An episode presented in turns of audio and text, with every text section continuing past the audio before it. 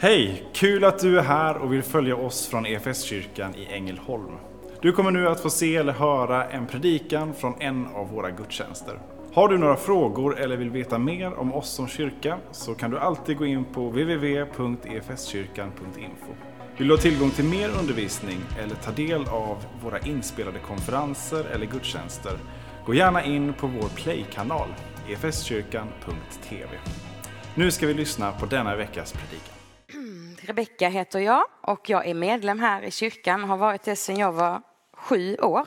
Så det är inte många år ju alls som jag har varit med. det är några år. Jag har också varit med i styrelsen i rätt så många år. Just nu är jag också ordförande. Det är väldigt spännande. Och idag ska jag få dela något som jag skulle vilja prata mer om. Eh, jag var här för några veckor sedan och också delade något med ungdomarna på en ungdomsgudstjänst. Och då frågade jag dem om de har, ska vi bara kolla så ljudet ja, ja. Om de har en sån här. Och alla hade det. Eh, har ni en sån här? Ja. Idag är man ju mer ovanlig om man inte har en sån. Då skulle man ju vilja ställa lite frågor. Bara, Va? Har du ingen telefon? Hur lever du? Eh, ni har också en sån här. Mm. Och då kommer man ibland till lägen att den ska uppdateras. kommer någon liten symbol att nu behöver telefonen eh, uppdateras. Och då trycker man på någon knapp och eh, så får man då lite nya emojis och eh, ja, en ny, ny prestanda, en ny version av telefonen. Den ska liksom funka så, så bra som möjligt. Är ni med mig så här långt? Ni känner igen processen? Mm. Eh, och då kom jag fram till den frågan eh, som jag ställde ungdomarna och vill ställa samma fråga till er idag. Är du uppdaterad? Eh, till den senaste versionen av dig själv, till den bästa versionen av, av ditt liv. Har du de senaste uppdateringarna som Gud kan erbjuda dig? Eh, lever du i, i en sann bild av dig själv? Eller lever du i en gammal bild av dig själv? Jag fick vara med i fredags på en studentfest.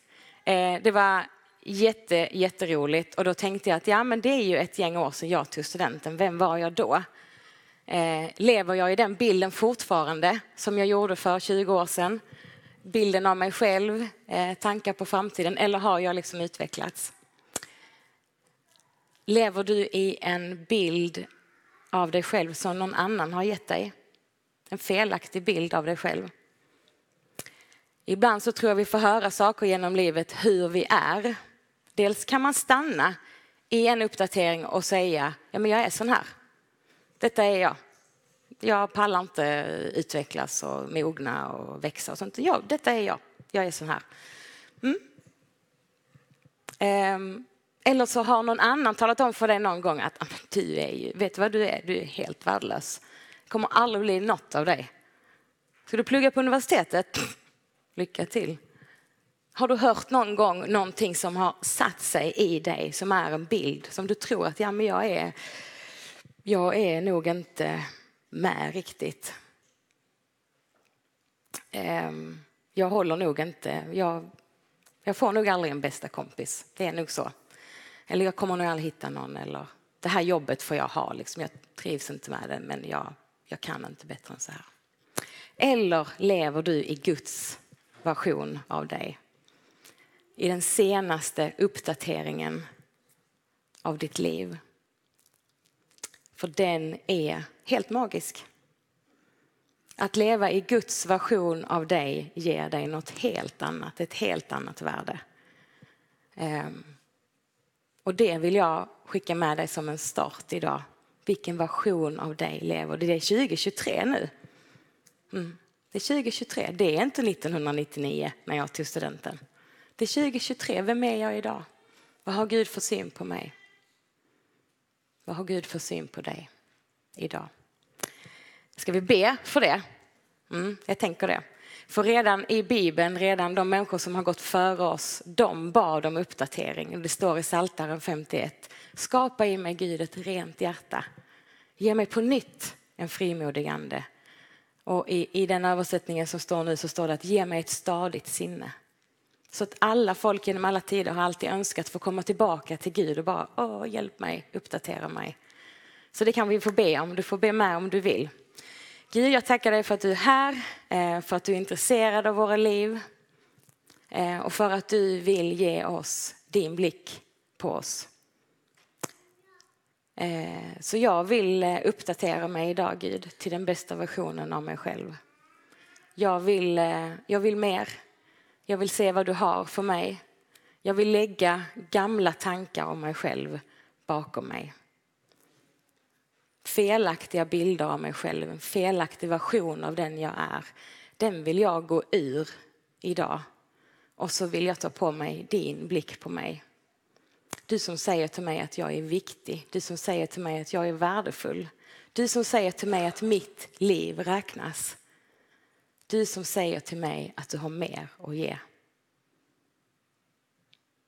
Den bilden vill jag stiga in i idag Jesus och ha det med mig i den här gudstjänsten men oh, så mycket, mycket mer och så mycket, mycket längre vill jag stå i den blicken. Skapa i mig Gud ett rent hjärta. Ge mig på nytt en frimodig ande.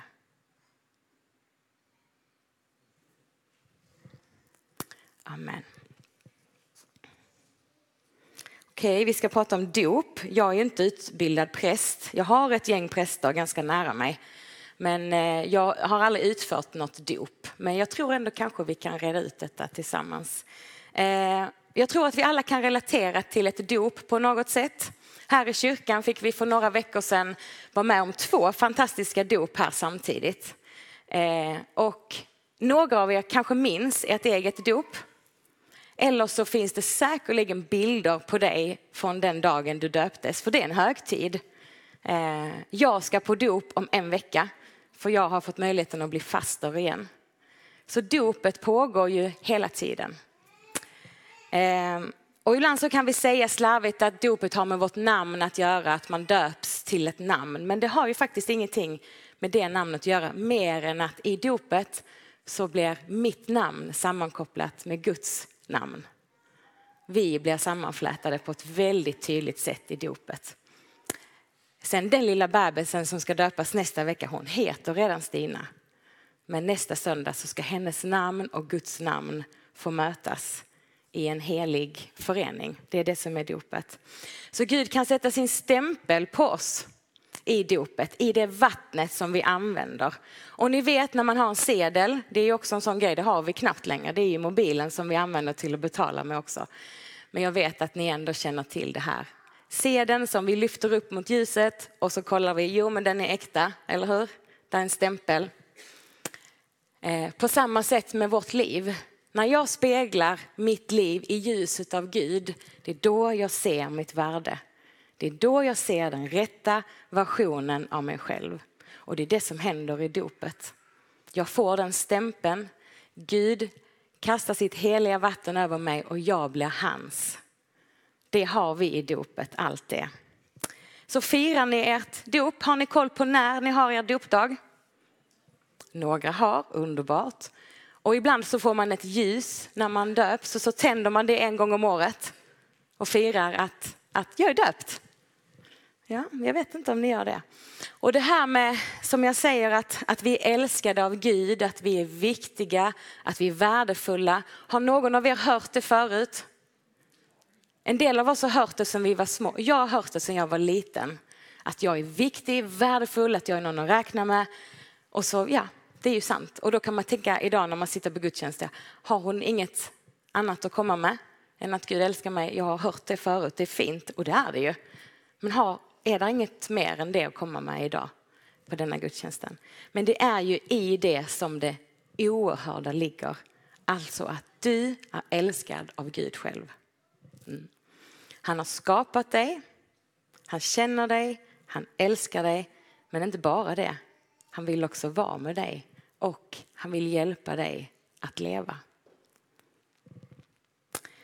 Så jag är älskad, inte bara som jag är, utan jag är älskad för att jag är den jag är. För att jag är ett Guds barn. Inte bara som jag är, jag är sån här, utan jag är älskad för att jag är den jag är. Och det är helt oerhört, men kan det verkligen vara, kan det verkligen vara så? Är mitt liv så viktigt? Spelar det så stor roll om jag lever eller om jag dör? Jag vet inte. Ibland kan det kännas så. Men har du någon gång längtat efter något eller någon riktigt, riktigt mycket? Ni som är föräldrar, har ni längtat efter era barn? Oh, mitt barn, när kommer du hem? Jag vill krama dig, känna dig. Har du någon gång varit kär, förälskad? Så att du har längtat efter den andres famn så mycket så att det går inte att tänka på något annat. Det känns som att oh, det är bara det.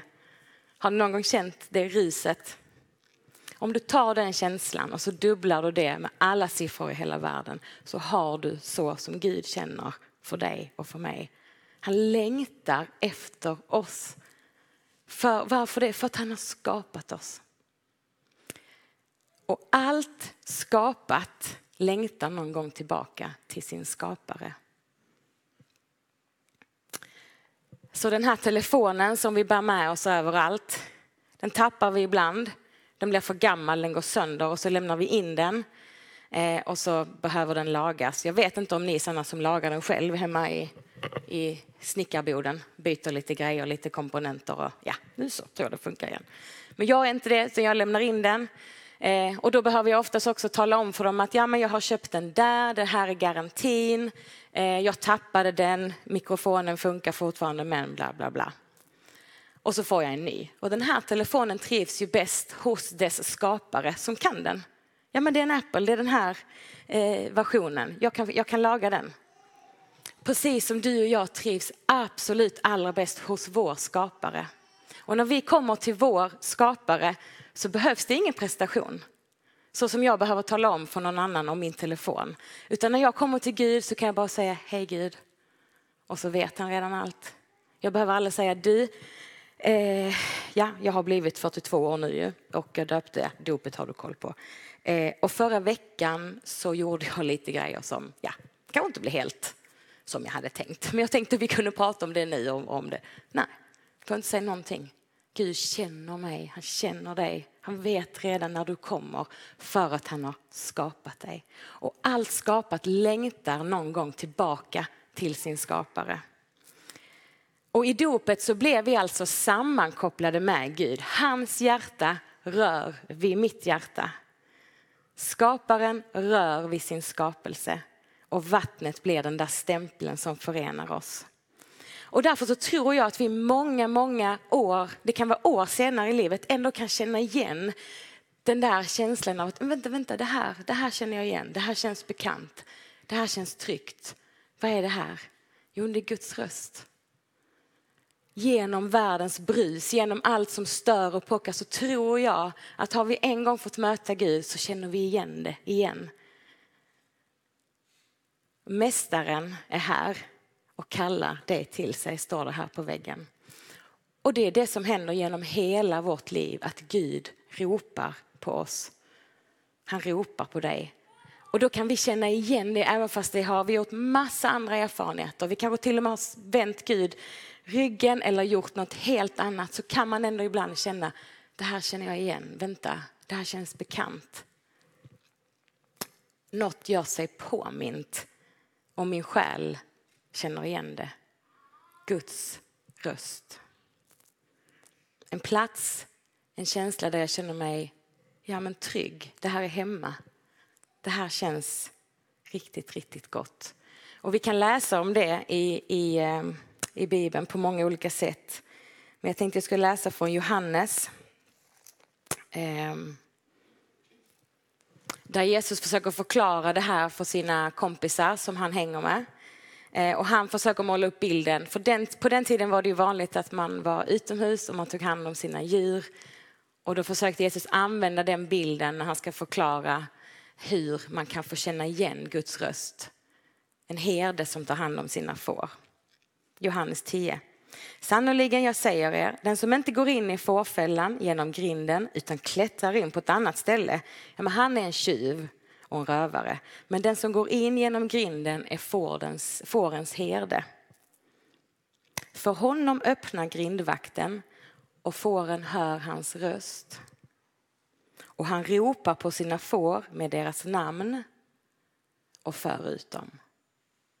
Och här pratar alltså inte Jesus om fåren, han pratar om dig och mig.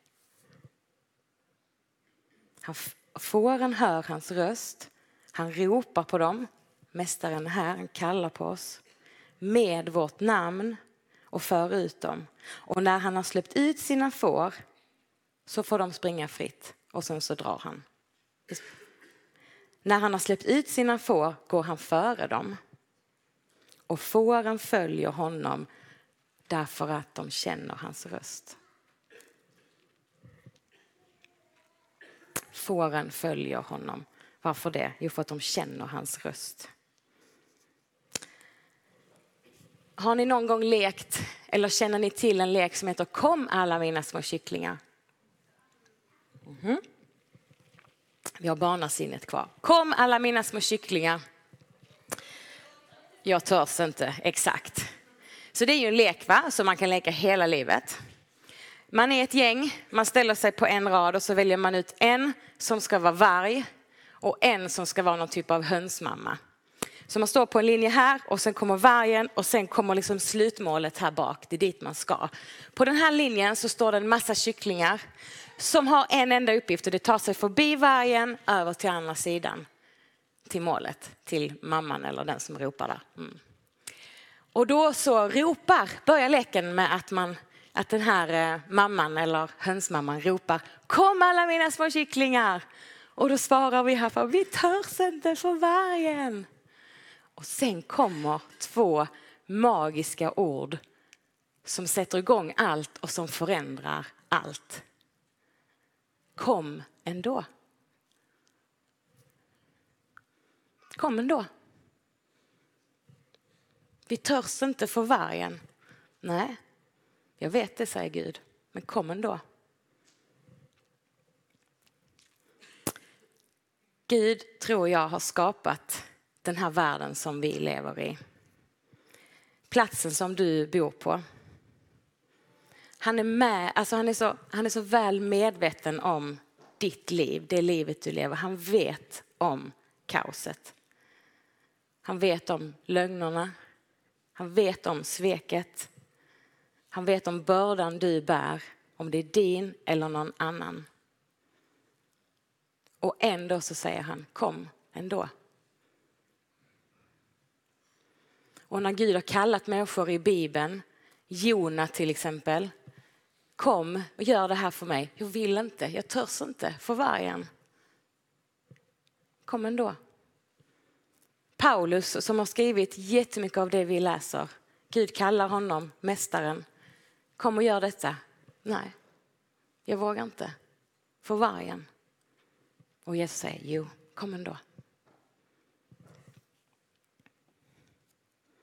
Petrus som fick bygga kyrkan, som sviker Jesus. Kom ändå. Och den där vargen som står här i mitten och som ska störa, det är hans enda uppgift att störa min fart fram till målet. Den här vargen har som enda uppgift att blockera min väg. Att locka mig hitåt att få min uppmärksamhet så att jag ska bli tagen av vargen. Och jag tror att vi alla har vargen. Någon av er har en jättestor varg. Någon annan har flera olika vargar. Och när vi äntligen upplever vi har lyckats få bort dem och de flyr, så kommer det en ny kull. För vargen blir vi antagligen aldrig av med. Och vargen har funnits med alltid sen den här världen skapades. Och i andra Petrusbrevet så står det så här, kapitel 5. Var nyktra och vaksamma. Er fiende, djävulen, går omkring som ett rytande lejon och söker efter någon att sluka. Det är det vargen har som uppgift. Skannar av, var kan jag hitta någon idag som jag kan hugga? Och kommer han inte in där, då testar han där. Han söker efter någon att sluka. Håll stånd mot honom, orubbliga i tron. Kom ihåg att ni får utstå detsamma som alla era bröder här i världen. Men om ni nu får lida en kort tid så ska Gud som skänker er all nåd och har kallat er, kallat till sin eviga härlighet genom Jesus Kristus. Vad ska han då göra? Jo, han ska upprätta er, stödja er och ge er fasthet. För hans är makten i evighet. Så det är liksom redan klart. Om du vill så är det redan klart för dig. Gud har vunnit. Vargen stör, absolut. Men kampen är vunnen. Och det är en sån tydlig beskrivning av det livet som jag tror att många av oss lever. En utmaning för oss varje dag, vargen. Och Gud vet om den. Han säger bara så här, jag vet. Jag vet. Men kom ändå. Kom ändå. Och sen när vi har lyckats ta oss över på andra sidan, då väntar en stund av vila och glädje. Yes, jag klarar det. Jag är förbi. Pustar ut. Du klarar också dig. Oh, oh. Och vi kollar. Och den vilan behöver du hitta i ditt liv. Där, du, där din själ får vila en kort stund efter den här jakten som pågår varje dag. En stund av vila där man känner, åh, tack Gud. Nu orkar jag ett tag till. Den vilan behöver du ha fatt i. Var den är, det kan inte jag säga, men den finns hos Gud. Kanske kan kyrkan vara en sån plats, eller är det hemma hos dina föräldrar eller hos din bästa vän. Men den vilan behöver du få fatt i. Där natten äntligen blir dag, även fast det känns det är omöjligt. Så en kort stund när vi har kommit förbi vargen så är det så skönt. Jag är hemma. Min själ får faktiskt lite ro här. Men sen ibland så fångar ju vargen oss. Eller hur? Tagen, jag tog dig. Nej, jo. Vi trillar dit. Vargen får fatt i oss. Men det är inte slutet, eller hur? För sen börjar leken om. Så man får en ny chans. Man får en ny chans att stå här och tänka nu, nu ska jag, nu ska jag förbi. Och så är också livet med Gud. Ja, vargen får fatt i oss och vi trillar dit. Men det finns en ny chans varje stund att tänka, men nu ska jag hitta hem. Jag ska ta hjälp av någon. Ska vi, vi, vi teama? Ja, men det gör vi. Så kommer man förbi lättare. Det finns en ny möjlighet att hitta hem. För Gud står kvar här och ropar, kom. Jag vet, men kom ändå. Det man tränar på blir man bra på. Jag brukar tjata till mina barn som vill bli bra på alla möjliga saker så snabbt. Ja, men det du tränar på blir du bra på. Tränar du mycket på din telefon och TikTok? Det är det du blir bra på. Vill du bli riktigt, riktigt bra på innebandy? Träna. Vill du bli bra på att känna igen Guds röst i ditt liv? Träna. Prova. Håll dig nära. Så vilken övning, vilken träning hela livet är, eller hur? Att man hela tiden ska jobba med det här. Men då har vi ju dopet igen. Den här dopklänningen som bebisarna hoppar i och som kommer, räcker hela vägen ner till golvet. Och man tänker, hur, vad är tanken här? Ja, det är ju att vi ska växa i vårt dop. Det här ska vi träna oss på. Att komma ändå. Det är en träning som vi gör, övar oss i hela livet. Därför är det inte så dumt egentligen att ställa sig frågan, firar du ditt dop? Har du koll på din dopdag? Det borde vi ju fira precis som alla andra högtider. Fira i alla fall en gång om året. Jag är med Gud. Jag går på hans väg. Jag har vuxit lite, jag har mognat. Jag har kommit förbi vargen många gånger. Jag har också hjälpt någon annan ibland. Det är ju värt att fira dopet. Och ofta får vi ett, alltså när vi döps så, brukar, så, så ber prästen så här, livets Gud. Uppfyll Rebecka, eller ditt namn läser du in. Uppfyll Rebecka med din helige ande och hjälp henne att var dag växa i sitt dop. Varje dag får jag växa som människa, växa i mitt dop. Och så brukar vi också ge ett ljus till den som har döpts. Och varför gör vi det? Jo, jag är världens ljus, läser vi när man tar emot dopljuset. Den som följer mig ska inte vandra i mörkret utan ha livets ljus. Alltså den som följer mig här bland alla kycklingarna på raden står inte själv, har hoppet framför sig, jag ska dit, världens ljus. Och det är så mycket hopp i de orden. Vi ska inte vandra i mörkret utan vi ska ha ljus. Så genom vattnet i dopet så, så ber vi liksom om att liv ska få strömma fram. Liv från Gud själv. Och den här stämpeln som jag pratar om, i den stämpeln så får vi tillgång till hela Guds värld, till hela hans rike. Hans verktygslåda blir helt plötsligt min. Och där i den verktygslådan så finns det redskap för att klara av livet här. Att klara av att möta vargen. Och Karl predikade för några veckor sedan om ett av de verktygen, bönen och dess ord. En fantastisk predikan. Lyssna på den i efterhand. Om hur bönen ibland kan bubbla ut i helt jättekonstiga ord som jag själv inte förstår men som någon annan kan förstå. Och där i ligger ju att Gud kan göra vad han vill om vi också vill. Så det finns verktyg för att fixa livet här på jorden. Och jag vet inte om ni är liksom, har verktygslåda hemma. Eh, och det är ju bra att ha till hands. Om vi tänker oss en skiftnyckel, jag tror alla kan se en bild av en skiftnyckel framför sig. Jag, jag har också det nu faktiskt. För två, tre dagar sedan kom min mamma med en skiftnyckel till mig. Eh, och den är ju jättebra att ha, men kanske 365 dagar om året, minus några, 360, så ligger den i en verktygslåda. Och där har den ju ingen funktion whatsoever, men den ligger ju där. Men när jag tar fram den och använder den, då kommer skiftnyckeln i funktion. Då bara, åh, det här hade jag inte klarat utan, det hade jag inte. Men i alla andra dagar så har den inget värde för att jag använder inte den.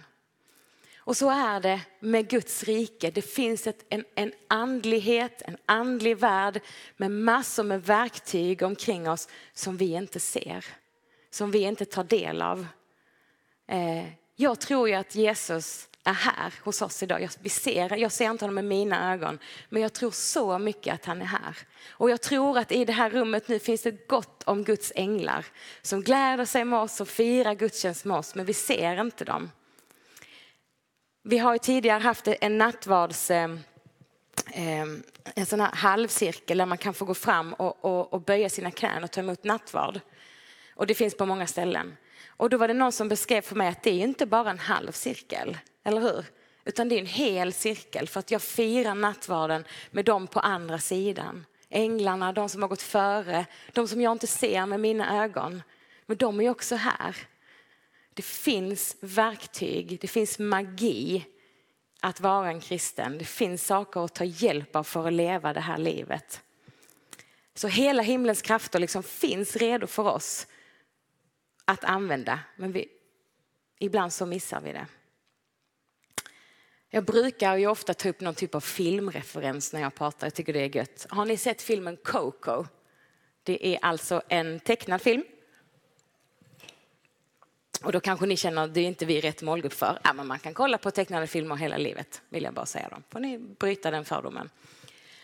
Kom ut för några år sedan. Eh, handlar om en kille i Mexiko som älskar musik.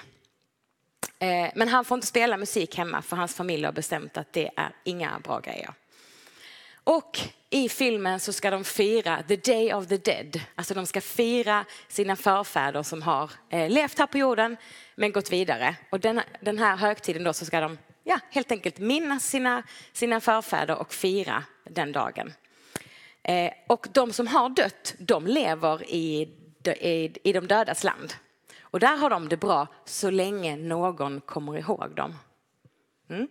Så de får leva och ha det jättekul. Det är liksom dans 24-7 så länge någon i den levande världen kommer ihåg att de finns. Och det är det de firar på the day of the dead. Då firar de sina förfäder. Eh, och när den dagen kommer så är de väldigt nervösa i, i det här riket där de döda lever. För kommer någon komma ihåg mig idag? För om de blir ihågkomna så får de gå över bron till de levandes land, osynliga. Men där får de ta del av den här högtidsdagen tillsammans med sin familj. De som lever ser inte dem. Men de är där och tittar på, åh mitt barn har du blivit så stor, och barnbarn, och wow, och katter och hundar, hej och Allt det får de se, men ingen ser att de är där. Men det är två världar som möts i ett. Och det är för mig en jättefin bild av hur jag tror livet här är om vi vill ha med Gud att göra. Så finns det en till värld som vi inte ser. Men det finns så mycket kraft att hämta hos den helige ande som är en kraft som bor i dig och mig, som vi har fått genom Jesus, som vi har i dopet. Och ta del av den bönen och de verktyg som finns.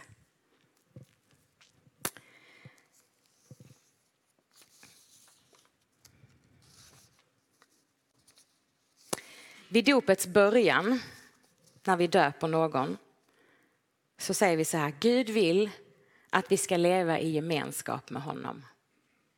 Så säger prästen. Gud vill att vi ska leva i gemenskap med honom. Alltså, vad betyder det? Jo, Gud kallar på dig. Han vill ha gemenskap med dig. Och du som skapad, du längtar tillbaka till din skapare. Och sen fortsätter prästen att säga, därför har han sänt sin son Jesus Kristus. Varför det? Jo, för att rädda oss från det onda.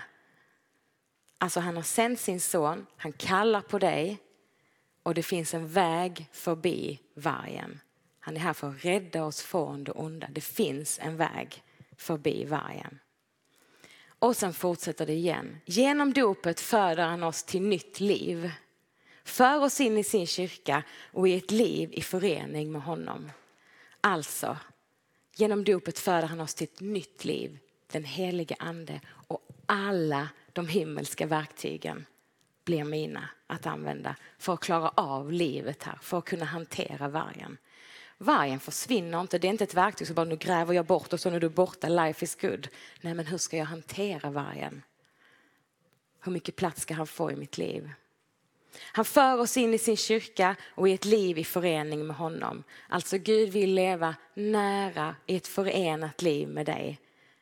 Och det finns ett rike här på jorden med massor med goda saker och änglar som vi inte ser i den föreningen med honom. Och nu är jag färdig. Men jag vill läsa om den här vilan som du behöver hitta som jag sa. Där du får paus ifrån vargen när du är på andra sidan. Och den står det om i Matteus bland annat. Matteus 11. Så börjar det med de här orden som jag har sagt flera gånger idag. Jesus säger kom. Kom ändå. Kom. Kom till mig, alla ni som är tyngda av bördor. Är det någon här som känner sig ibland tyngd av någon typ av börda? Kom ändå. Kom till mig alla ni som är tyngda av bördor för jag ska skänka er vila här borta. Vila. Från min kamp. Ta på er mitt ok och lär av mig som har ett milt och ödmjukt hjärta så ska ni finna vila för er själ. Mitt ok är skonsamt och min börda är lätt.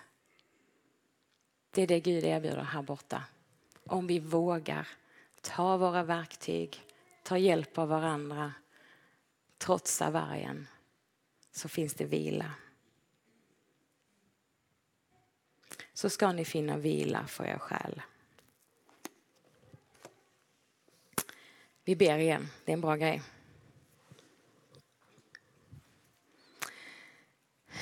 Jag är jätteglad Jesus för att du finns och för att du finns för oss alla och för att du kallar på oss. Du har skapat oss.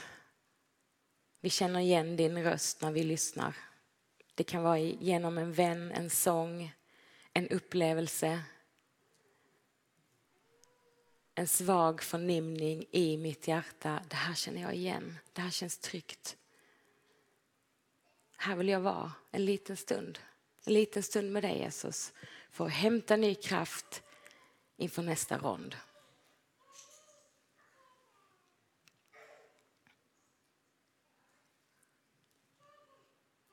Tack för att du vill uppdatera oss du har mer att ge. Tack för att vi får ta del av din hjälp. Tack för att du vill hjälpa oss hur vi ska leva. Och vi, vi förstår inte alltid allt vi behöver utstå. Jag gör inte det i alla fall. Jag fattar inte alltid hur människor ska behöva lida och allt som sker. Och jag ser inte det du ser. Men du ropar kom ändå. För det är du som har koll ju. Det är du som vet mitt liv, du har skapat mitt liv. Så därför kan jag vara trygg och säga okej okay då, jag går ändå.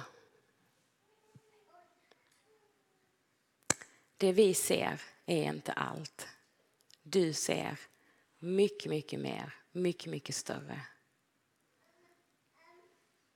Och i det får vi då och då vila och själen får komma till ro. Tack för det liv du erbjuder oss, Jesus. Tack. Som kyrka är det en glädje att få spela en liten roll av allt Gud gör i och genom ditt liv. Vi vill gärna fortsätta följa dig på den resan.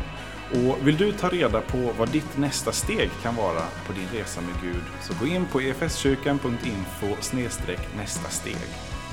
Vår längtan är att få se människor och samhällen förvandlade av Jesus.